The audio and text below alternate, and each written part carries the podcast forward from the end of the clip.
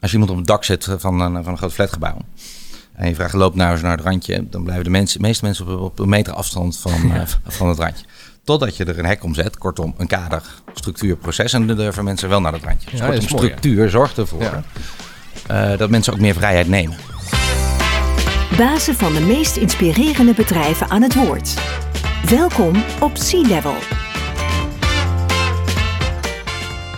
Ik ben eh Nick Veendrik, ik ben eh, de CEO van Stoof. Stoof maakt eh, duurzame warmtekussens voor binnen en buiten. Die jou verwarmen wanneer jij dat nodig hebt. En die kussens die hangen niet aan een stopcontact. Dus kun je meenemen waar naartoe jij dat wilt. Ehm, en daarbij geven we, geven we extra aandacht aan het ontwerp van die kussens. Dus wij zeggen altijd, het zijn warmtekussens die je niet hoeft te, te verstoppen voor het bezoek. Die zien er gewoon goed uit. Precies. We zitten ook op een soort van... Even kijken, is, dit is geen warmtekussen, maar dit is een soort van dekentje waar we op zitten. Op onze Ja, stoel. dit is een, eh, het, is, het wordt het meest gebruikt als een, als een seatcover. Eh dat is een dekentje die, die als het ware over je stoel rolt. Waardoor ehm, en je billen en je rug lekker verwarmd worden. Kijk. Wordt veel gebruikt op kantoren bijvoorbeeld ook. Zijn jullie nou seizoenswerkers? Want eh, we nemen nu op op eh, 17 maart. Ja. We gaan richting de lente. Eh, betekent dat ook dat het voor jullie rustiger wordt omdat eh nou ja, warmtekussens nu minder gebruikt worden? Ja, dat zien we wel. We, we zijn seizoensgebonden. We verkopen het hele jaar door. Ehm, en je kan je voorstellen dat ook in het eh, vroege voorjaar... bij de eerste zonnestralen buiten... het best lekker is om, om buiten even in het voorjaarszonnetje op een kussen te zitten. Maar het grootste deel van ons volume doen we in het seizoen waarin het echt koud wordt. Hè? Dus de maanden, laten we zeggen, oktober tot en met februari. Ja. Dan mag jij eh, sinds een jaar, eh, ruim een jaar nu, leiding geven, echt als CEO aan dit Ja. eh, bedrijf. Ja. Was je daarvoor al verbonden aan Stoof? Ja, ik was... ehm, ik ben betrokken geraakt als, als mede-aandeelhouder en investeerder. Precies. En op een gegeven moment op 1 januari 2022 heb je het stokje overgenomen Ja. en ben je CEO geworden. Hoe is dat gegaan? Ja, de achtergrond daarvan is, en dat is misschien wel goed om een klein beetje, beetje context te geven over de historie van Stoof. Mijn eh, compagnon, eh, oprichter van Stoof, Teun van Leijsen, is ooit begonnen in de hospitality, eh, terrassen. Met, met als missie om, ehm, om die gasheaters die op de terrassen staan, die vooral de lucht staan te verwarmen en niet de mens. Hè, natuurlijk toonbeeld van inefficiency, om die de wereld uit te krijgen. En dat ging eigenlijk best wel aardig. En, maar tegelijkertijd zag hij iets heel anders moois gebeuren. Namelijk overal waar consumenten op die terras, terrassen zaten op onze kussens.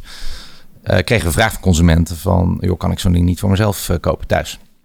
En dat was eigenlijk de start van uh, Stoof consumentenmerk.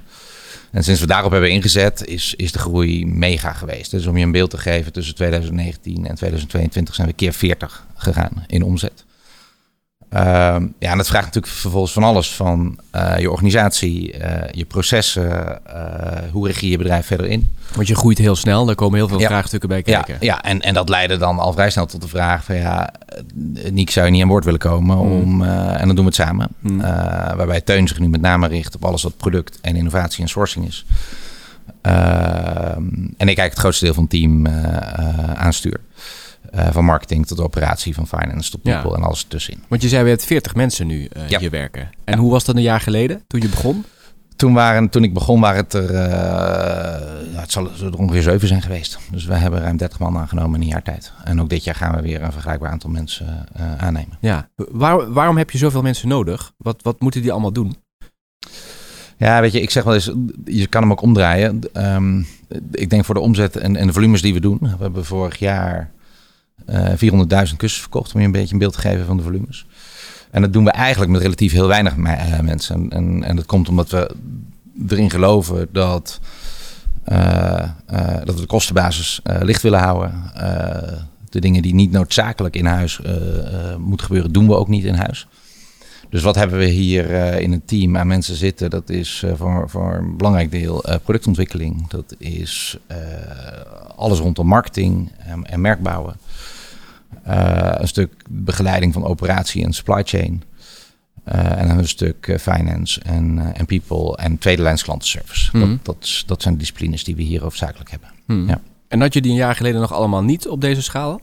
Zeker niet op deze schaal. Nee, dus we, hadden, we raakten dat allemaal wel. Hè. Je, je weet hoe dat werkt in een start-up. Doet in het begin, iedereen alles een beetje.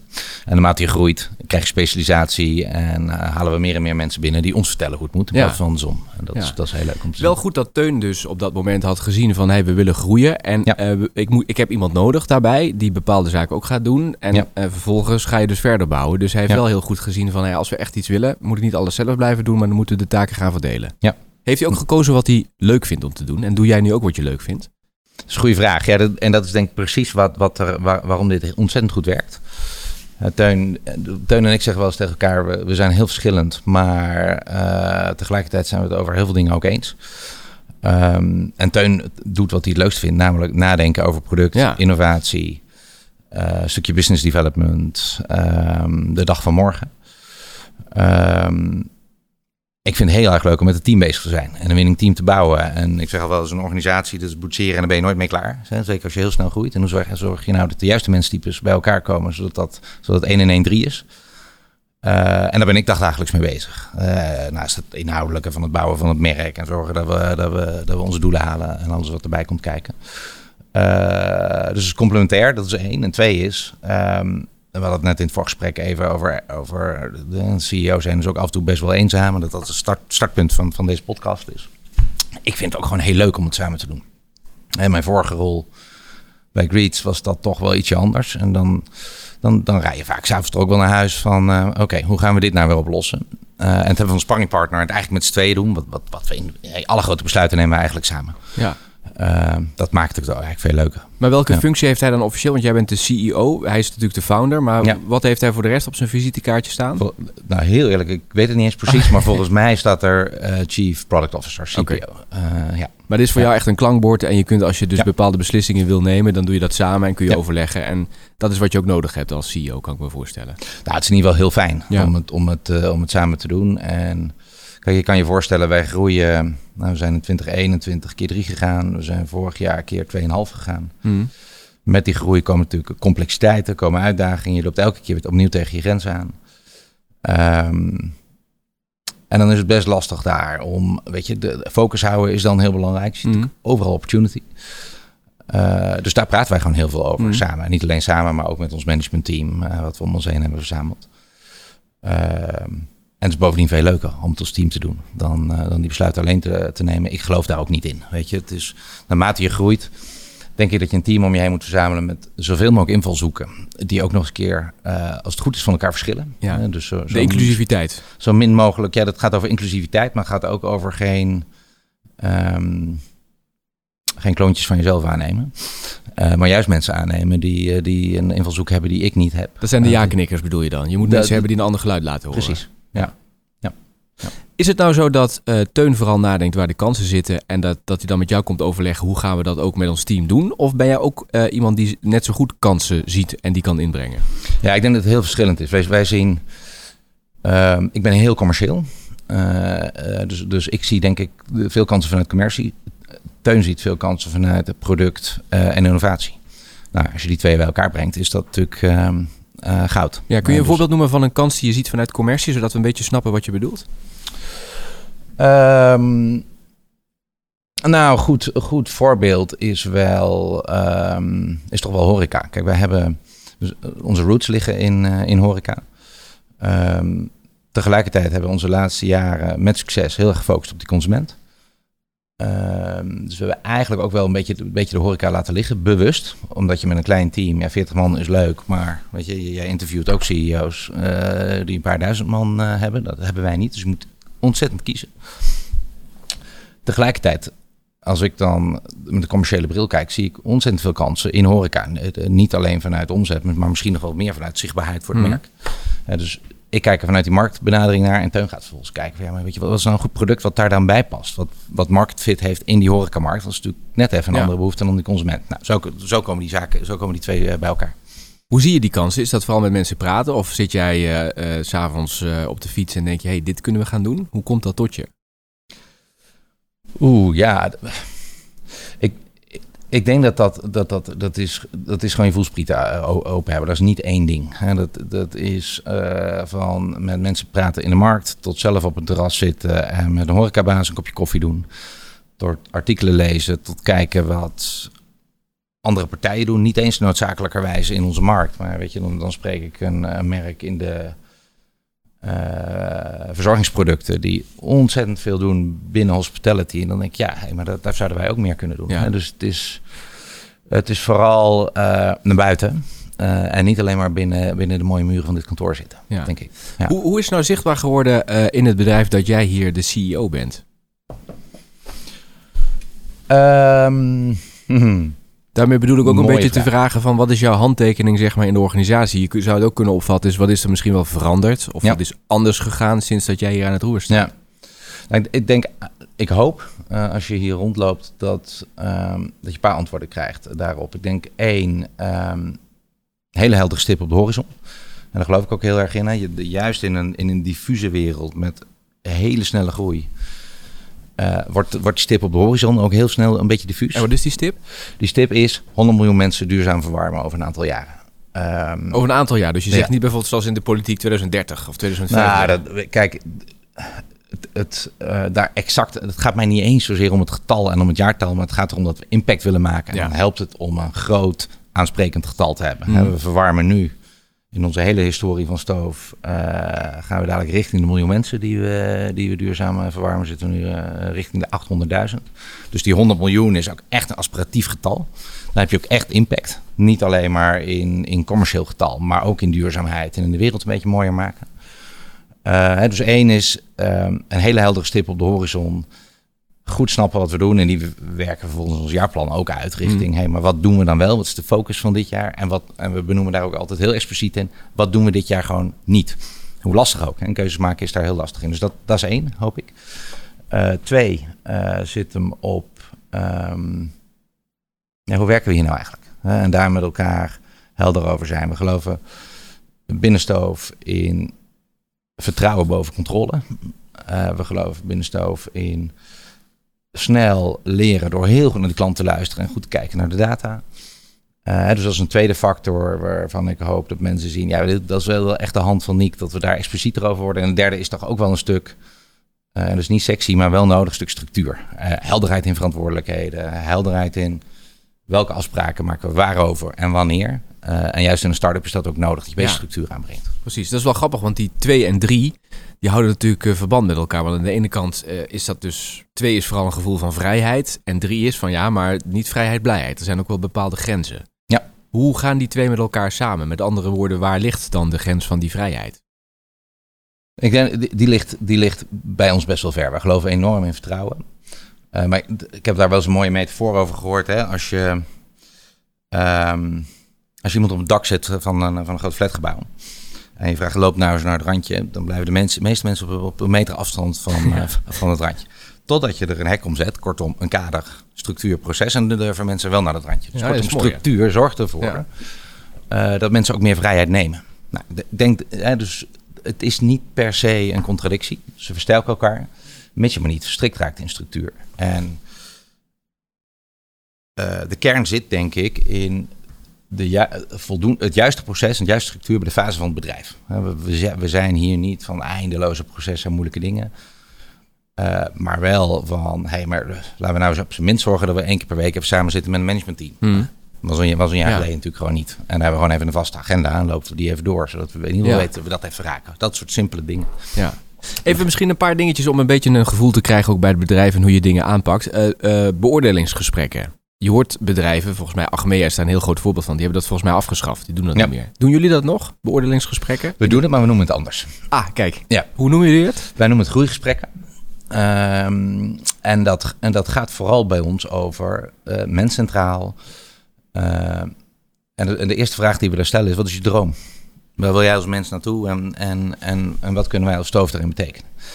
En de tweede vraag is van, oké, maar wat betekent dat nu dan voor je huidige rol? En natuurlijk komt dan ook aan bod, hey, zijn we blij met elkaar? Zijn wij als stoof blij met je functioneren en dan ben jij als teamlid eh, Maar is het dan niet het, het traditionele eh, beoordelingsgesprek, maar met een net wat ander jasje en een andere naam? Ehm, nou ja en nee, we hangen er bijvoorbeeld geen cijfer aan, om maar eens een voorbeeld te noemen. Eh, we vinden het veel belangrijker dat we met elkaar in gesprek zijn. En dat we heel goed snappen waar, waar, de, waar de mens naartoe wil en blij van wordt. En ik denk dat in heel veel, nou ja, het, het, het wordt alleen al functioneringsgesprekken. Ja.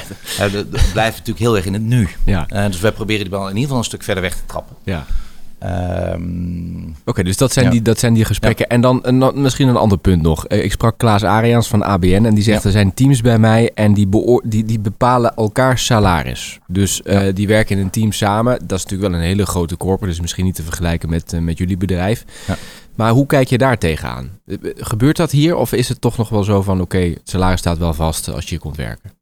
Dat laatste. Ja. Ja, ja. en dat heeft ook alles gewoon te maken met, met ja, weet je, dingen ook een beetje simpel houden. Ja. Ehm, het gaat hier ontzettend hard.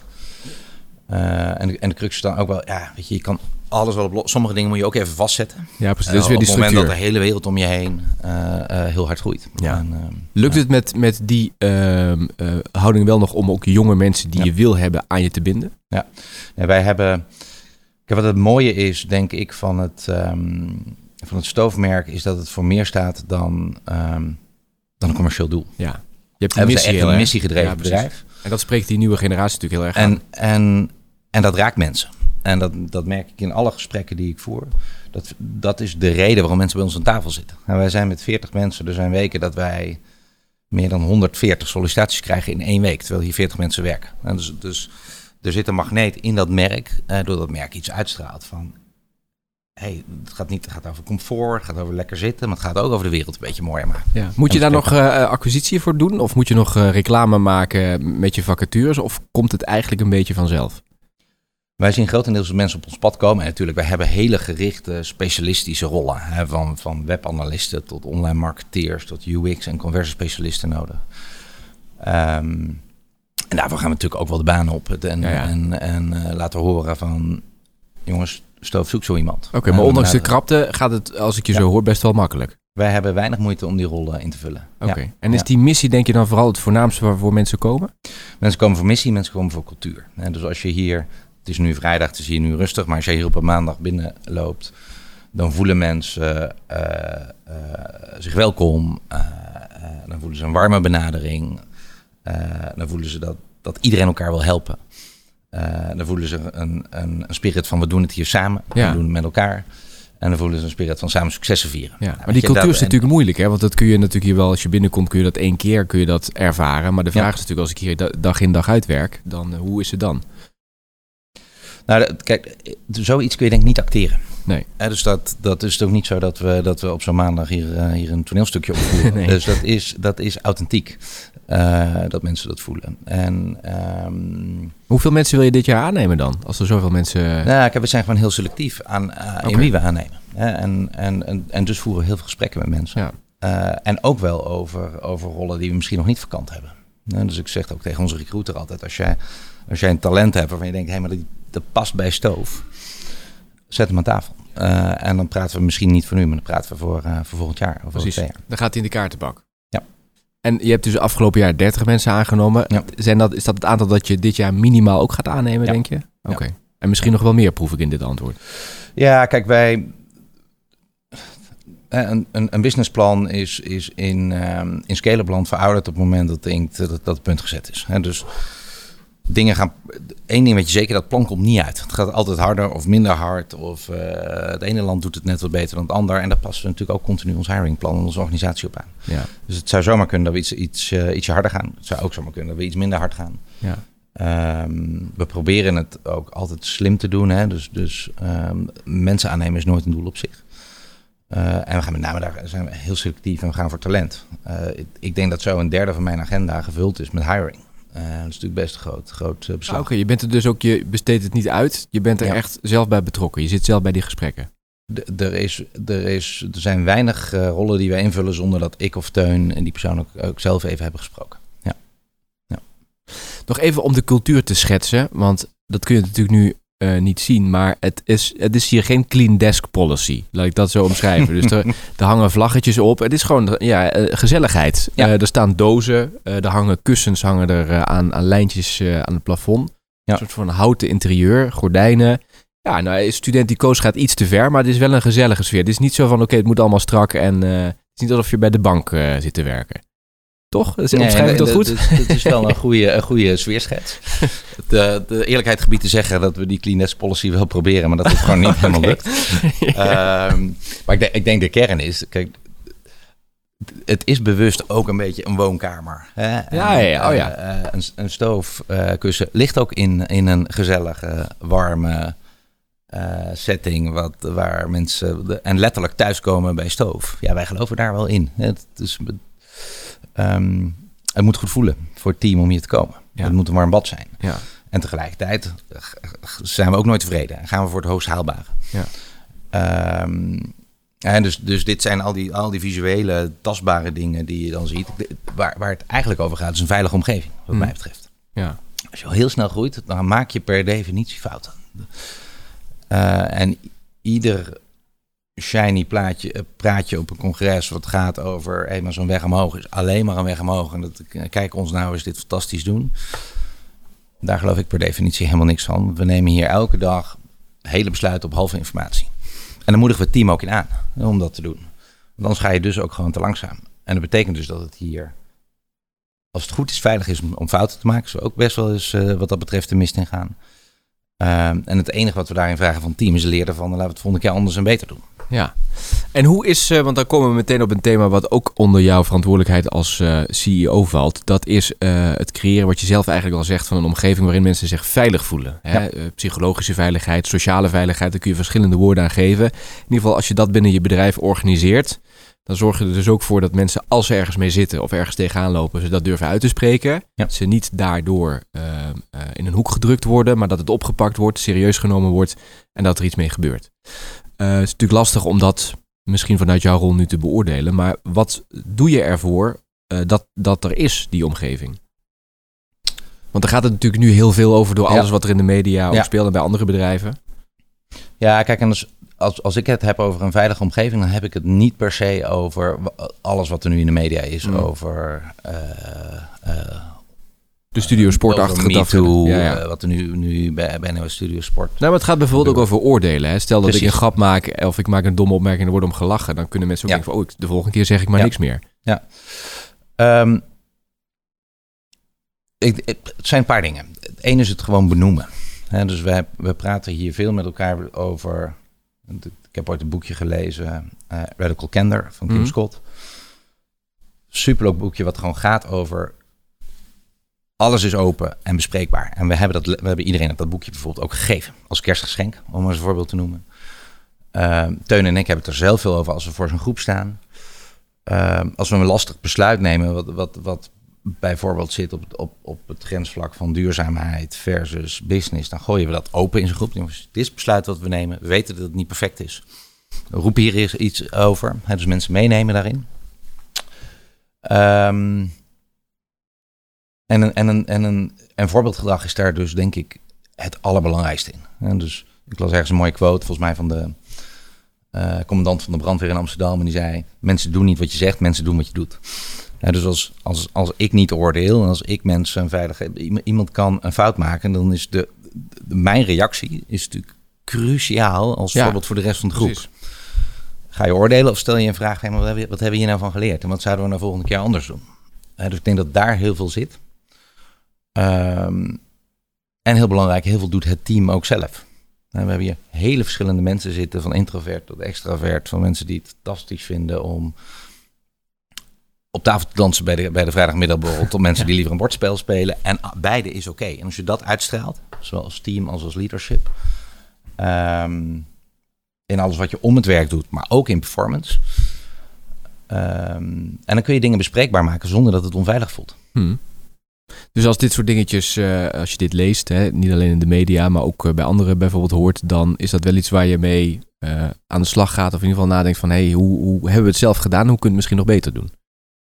Ja, en nogmaals, zo'n NOS Studio Sport trigger, dat is zo ver af van, van hoe we hier met elkaar omgaan. Ja. Dat dat nou niet per se voor mij een inspiratie is. Zo van zo moet het niet, zo Nou ja, ik sprak een keer de CEO van Tata Steel en ja. die zei toen, dat was volgens mij de Wereld Door speelde toen. En toen heeft Ja. hij in de vrijdag of de maandagochtend call gevraagd van, hey, dit speelt nu in het nieuws. Hebben wij daar ook last van? Nu is dat natuurlijk ook weer een hele grote organisatie. Jij zit veel dichter op je mensen, dus je hebt dat veel eerder door als dat, eh, als dat aan de hand zou zijn. Vorig jaar de Voice. Eh. Toen hebben we, hebben we een mooi gesprek aan de lunchtafel gehad met het hele team erover. Hoe kijken we hier naar en, en moeten we er wat mee? Ja.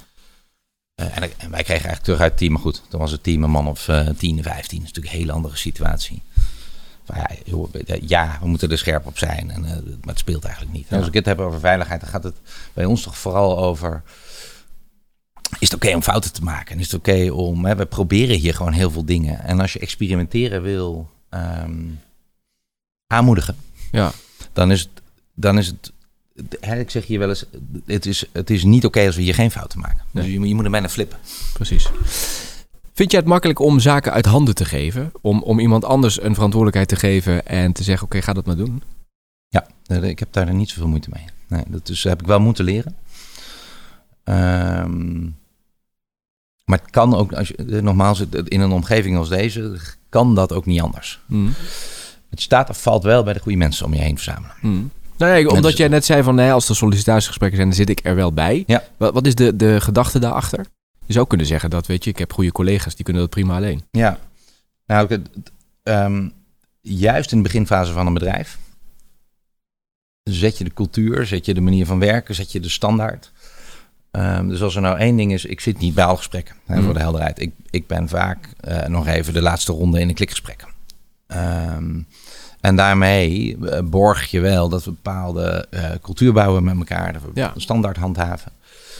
Ehm, ik zou hem bijna om willen draaien. Doordat, doordat ik boven op werving en selectie zit, kan ik het daarna makkelijker loslaten. Oké, dat is ook een interessante, ja. Ehm, omdat ik geloof dat je zo'n bedrijf als dit, in een scale-up omgeving, supersnel groeiend, dat dat alleen maar werkt met mensen die die verantwoordelijkheid ook aankunnen. Ja, Eh, en dan is er een heel mooi zinnetje waar ik in geloof. Talent attracts talent. Maar het tegenovergestelde is ook waar. Hè, dus als je, als je middelmatigheid tolereert, dan wordt het dus oké om middelmatig te zijn. Mm. En dus wij zitten bovenop altijd die 8 of die 9 of die 10. Binnen een spectrum waar je fouten kan maken waarin het veilig is. ja. Nog even over de eh, organisatiestructuur. Eh, jij en Teun zitten uiteraard eh, daar bovenaan. Hoe, hoe, hoe heb je het voor de rest ingericht? Wij hebben ehm, wat we hebben genoemd een eh head-off laag eh, gebouwd vorig jaar. En dat betekent dat we eh, goede specialisten hebben zitten op, op elk van de domeinen. Nou, dan kun je denken aan eh, de operatie, kun je denken aan eh, marketing, kun je denken aan brand, finance, people. Ehm, met mensen waarin we geloven dat ze mee kunnen groeien met snelheid van het bedrijf. Dus dat zijn over het algemeen jonge mensen van nou, ergens eh, tussen de 30 eh, relatief jonge leiders. Met groeipotentie. Dus daar gaan we voor. Ehm, En wat maakt iemand dan dat hij mee kan groeien met de snelheid van het bedrijf? Wat, wat moet Dat- je daarvoor skills be- ja, beheersen? dat, is, ehm, dat is leervermogen. Eh, dus als je het hebt over radical candor, dan is feedback geven heel belangrijk. En dan is het ook kunnen omgaan met feedback, vinden wij heel belangrijk in de cultuur. Ehm, en als je kan omgaan met feedback en je hebt ook nog eens een keer het, het intellectuele capaciteit om te leren, dan, dan, dan, heb je leervermogen. En dat heet volgens mij met een mooi woord learning agility. En dat is heel voorspellend voor succes. Eh, dus we proberen dat soort mensen om ons heen te verzamelen. En, eh, en daaronder of, bouwen we teams binnen de operatie en binnen marketing, zodat je kan schalen. Dat is eigenlijk hoe we werken en hoe we hoe de schaling van het bedrijf vormgeven. En hoe is, is ieder team even groot of verschilt dat? Nee, dat verschilt enorm. Dus, kijk, het, het is ook lastig om in teams te praten. Als je het hebt over de operatie. Dat we besteden onze fulfillment bijvoorbeeld uit. We besteden eh, productie en eh assemblage uit. Dus die operatie stuurt indirect eigenlijk. En er zijn elke dag honderden mensen aan het werk voor, voor stoven. In onze distributiecentra en onze productiecentra en onze... ehm, ja, dus wat is een groot en een klein team? En dat, dat, dat is natuurlijk fluïde. Eh, wat, wat we relatief meer in-house doen, zijn zaken als productontwikkeling en marketing. Eh, Mhm. dat, is, het- dat, daar, dat doen we over het algemeen helemaal meer in-house. Dus het zijn de wat grotere teams. Die zitten aan de kant van, van brand, van marketing, eh, van productontwikkeling. Ja. En die head-off laag, zijn, noem je, die noem je, hoe heb je daar een naam voor? Hoe je die mensen noemt? Het zijn geen managers, neem ik aan. Of, of Ja, nou inmiddels zijn het natuurlijk wel, wel leiders en hebben ze gewoon teams. En we noemen het gewoon een, een head of operations of een head of brand. Ja. Of, ja. En hoe is ziet, even om ook even daar weer een, een beeld van te krijgen, hoe ziet het overleg tussen eh, eh, jullie, Teun en jij, en, en die head-off laag eruit? We hebben wekelijks, ehm, dat noemen we de, de state of play. En dus, dus hoe staan we er wekelijks voor? En dan zitten we met dat hele team samen. We hebben een vaste agenda. Lopen we, we praten altijd even over team en people. Omdat ik dat gewoon heel belangrijk vind. Dus dat we daar continu de focus op hebben. Is iedereen aangelijnd? Nemen we iedereen mee in het tempo waarin we gaan? Lopen we even door de commerciële resultaten? Lopen we even door, hey, de- de- hoe loopt supply en operations? Hebben we daar eh, punten waarop we moeten schakelen? En hebben we altijd één of twee deep dive topics. En dat kan zijn een nieuwe merkcampagne die eraan komt. Het kan zijn, hey, we gaan eh, onze supply chain wat anders inrichten. Nou, dat, dat, dat- en zo'n deep dive topic is altijd voorbereid Ja. door een van de owners, door een van de head-offs of of tuin. En dat doe je aan het begin van de week? Schat ik zo in? Zo'n overleg? Nee, op een donderdag. Ja. Een donderdag? Ja. Oké. Ja. Je, je hoort natuurlijk overal, maandagochtend is eh, de weekstart en dan komen Ja, dus... nou, dat doen we met het hele team. Dus we hebben inderdaad het, het, eh, elke maandag tijdens de lunch met het hele team een weekstart. Oké, Eh, tijdens de lunch. Dus niet we- om negen doen- uur? Gewoon lekker om negen uur beginnen met je eigen werk en dan... Precies. mensen ook even, even, even, even rustig opstarten. We hebben, we hebben een redelijk vrij format in. Werken mensen thuis of op kantoor of komen ze in de loop van de dag naar kantoor. Die weekstart proberen we wel dat iedereen daar zov- zoveel mogelijk aanwezig is. En dat doen we elke week met het hele team. Hm. En dat, en dat gaat over zorgen dat we allemaal op dezelfde pagina zitten. Zorgen dat we allemaal snappen waar het nu spannend is en waar niet. Juist in het hoogseizoen. Hè, dan, dan doen we natuurlijk enorme volumes. Is het ook gewoon elkaar, bij, eh, elkaar helpen en bijspringen. Nu even druk bij klantenservice, dus allemaal even helpen. Ehm, ja, en dat, dat brengt ook energie in de tent. Ja. Dat, eh, ja. Ja, en op donderdag kan het dus ook zo zijn dat er een heel goed idee wordt gedropt. En eh, door de omvang van je bedrijf, dat je in staat bent om daar heel snel, als je dat een goed idee vindt, op in te spelen. Kan ik me voorstellen. Je kunt anders dan een heel groot bedrijf, kun je heel snel inspelen op bepaalde ideeën en Ja. ontwikkelingen. Ja. Gebeurt dat wel eens? Ehm, nou, ik denk dat het veel breder gebeurt dan in de, in de State of Play. Ja, de, de, ik heb niet even snel een voorbeeld eh, paraat, maar het is hier inderdaad zo. Dat, ehm, dat als wij een oplossing zien of een idee of... ehm, ik denk een goed voorbeeld is, zit, hem eh, zit hem ook op hoe wij hoe we omgaan met de klantreis. We, we zitten inmiddels in acht landen. En een recent voorbeeld van vorige maand is dat een van die landen eigenlijk niet doet wat, wat, eh, wat er moet gebeuren. En dus we zien wel, we zien wel traffic op de site, maar we zien geen conversie. Nou, wat doen we dan? Dan gaan we echt in een, in een soort pressure cooker met alle disciplines bij elkaar. Van een conversiespecialist tot een online marketeer, tot iemand van brand, tot de operatie. In een Slack kanaal. Heel goed luisteren naar de klant. Dus dan gaan er surveys uit. Dan wordt er naar de funnel gekeken. Waar verliezen we de klant? En dan gebeuren er drie verbeteracties per dag soms. En dan zie je, dan zie je die Slack gaan vollopen. Dit gedaan. Dit is de test. Dit is de hypothese. Dit is de uitkomst. Heel datagedreven. Heel erg op de bal. En dan kun je in een week je het hele patroon omdraaien. Ja, dat, weet je, daar krijg ik energie van. Dan, dan ben ik ook trots op het team.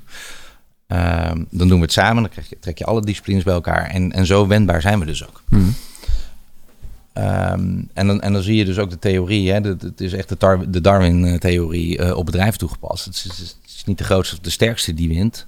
Maar degene die wint is, die, is degene die zich het snelste aanpast. Hmm. En het snelste leert. Hm. Daar, daar proberen we ons op te organiseren. Ja, je noemde die andere landen. Dit is wel, het, ja, als je het wil zeggen, dit is het, ho- het hoofdkantoor en ook het enige kantoor, Ja. toch, dat jullie hebben? Ja. En die andere landen, die bedien je dan vanuit distributiecentra? Of hoe gaat dat? Ja, dus we, dat, dat verschilt. We, we doen ehm, eigenlijk heel Europa vanuit twee DC's. Eentje in, eh, in Nederland en eentje net over de grens in Duitsland.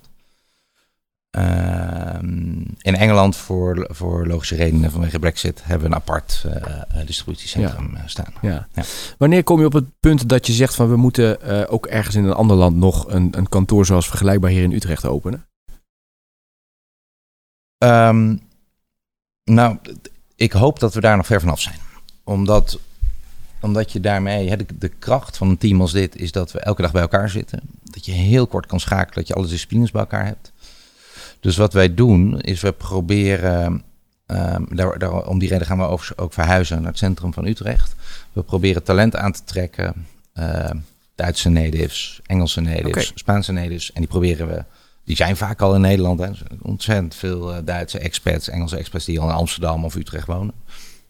Het is eigenlijk verbazingwekkend. We hebben eh, inmiddels een, eh, een Duitse head of content en een Duitse ehm, head of B2B sales die de Duitse markt eh, voor ons ontwikkelt. Allebei woonachtig in Nederland. En eigenlijk verbazingwekkend hoe makkelijk we die mensen naar ons toe krijgen.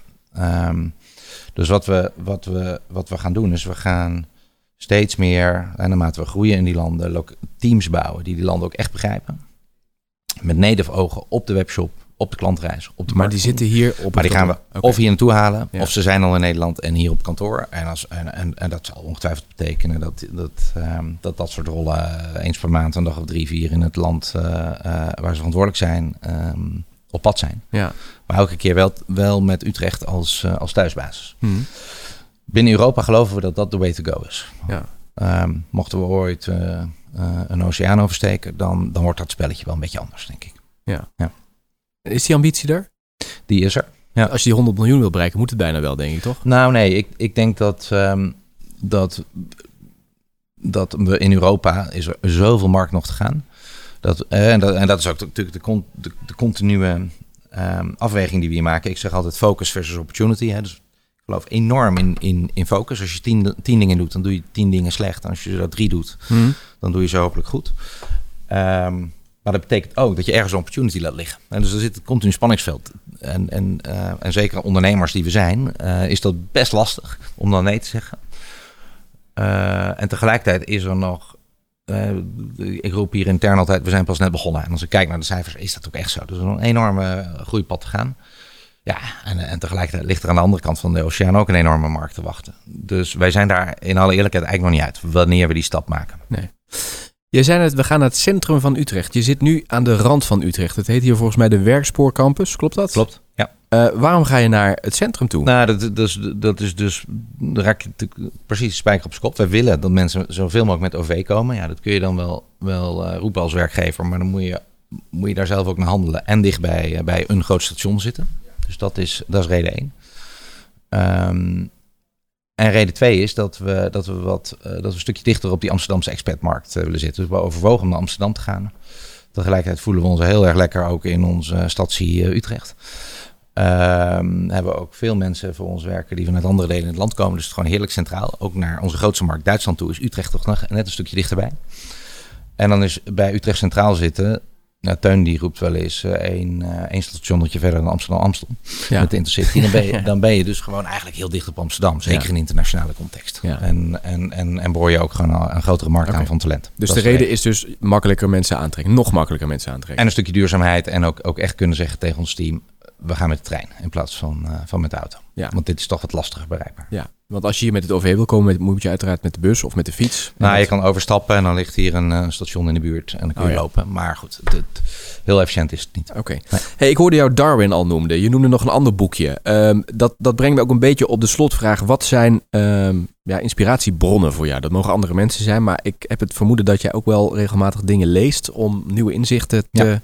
tot je te nemen. Ja, ja, weet je, het is niet één persoon of, um, of iemand. Ik, ik haal, ik doe als een soort habit heel veel kopjes koffie met andere ondernemers.